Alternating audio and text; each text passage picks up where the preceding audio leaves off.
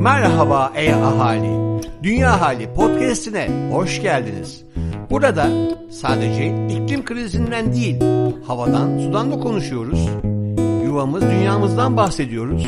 O zaman e hadi başlıyoruz. Merhaba Dünya Ailesi, ben Ayşe Margosyan. Hoş geldiniz, keyifli dinlemeler. Her geçen gün yükselen çiftlikten çatala trendi, gıda sistemlerini daha adil, sağlıklı ve çevreye daha da duyarlı hale getirmeyi amaçlıyor.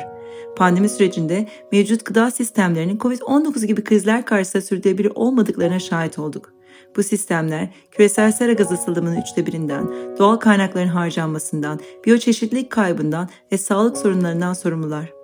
Aynı zamanda gelir adaletsizliği ile bireylerin özellikle çiftçilerin yaşadığı geçim sıkıntısı ortaya çıkan sosyal problemlerin başında yer alıyor. Diğer yandan gıda sistemlerinde daha sürdürülebilir yöntemler kullanmak yeni fırsatları da beraberinde getiriyor olacak.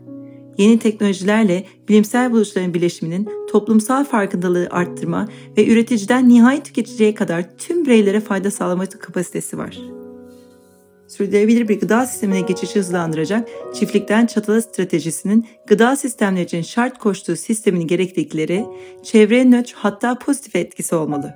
İklim krizinin azalmasına ve etkilerine uyum sağlamaya yardımcı olmalı. Biyoçeşitlilik kaybını tersine çevirmeli, gıda güvenliğini ve halk sağlığını garanti altına almalı. Her bireyin yeterli, güvenli, besleyici, sürdürülebilir gıdaya ulaşımını sağlamalı adil ticari getiri sağlarken gıda alımı gücünü koruyabilmeli ve tedarikçileri adil ticarete teşvik etmeli. İdeal olan sistemlerin ulusların bu stratejiye doğru evrilmeleri olacaktır. Ancak bizler de elimizden gene yaparak sürece destek olabiliriz. Dünya Halinin Dünya Günü özel sayısında Profesör Doktor Mine Durusu Tanrıöver herkes kendi gıdasını yetiştirebilir başlıklı yazısında küçük ölçekte de olsa hepimizin ister bahçemizde ister saksımızda topraktan tabağa nasıl gıdamızı yetiştirebileceğimizden ve daha birçok yöntemden bahsetmiş. Biz de evimizde, bahçemizde Tanrıöver'in bahsettiği benzer yöntemleri uyguluyoruz zaten hali hazırda. Yaşadığım bölgenin kuzeyinde bulunan Ewhurst'e ilk kez bir foraging atölyesi için gitme fırsatım oldu ve uyguladıkları yöntemlerden çok etkilendim. Foraging atölyesi doğada yiyecek aradığımız, çiftlikte, doğada kendiliğinden üreyen otların, çiçeklerin türlerinin ismini öğrenip, tadına bakıp hatta toplayıp yemeklerde, çaylarda kullandığımız bir atölyeydi. Ewhurst Parkı'nın kapısı tüm şeffaflığı ve dürüstlüğüyle bütün ziyaretçilere açık.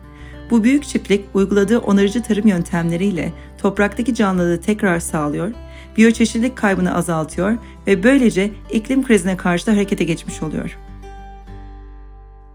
Ülkemizde onarıcı tarım denilince ilk akla gelen isim hem eğitim hem danışmanlık konularında hizmet veren Anadolu Meraları. Bütüncül yönetim ve onarıcı tarım ile ilgili daha fazla Türkçe kaynağı ulaşmak için web sitelerine bir göz atmanızı tavsiye ederim. Ewhurst Park'ın diğer bir özelliği ise Londra Notting Hill'deki The Good Plot'un menüsünde bulunan lezzetli tariflerin malzemelerini tedarik ediyor olması. Ayrıca çiftlikte edilen birçok ürün de The Good Plot'tan satın alabiliyorsunuz. Yani bir diğer deyişle dükkandan satın aldığınız her ürün topraktan, ilk üreticisi olan çiftlikten çatalınıza geliyor. Geçen hafta Mardin gezisi sırasında yoğun tavsiye üzerine gittiğim Serses Murat Konağı da oldukça etkiliydi topraktan tabağa gelen kereviz sarmasının, tüm mezelerin ve Süryani şarabının tadı damağımda kalsa da en çok Sersiz Murat Konağı sayesinde tanıdığım Ebru Baybara Demir'in projelerine ve yaptıklarına hayran oldum.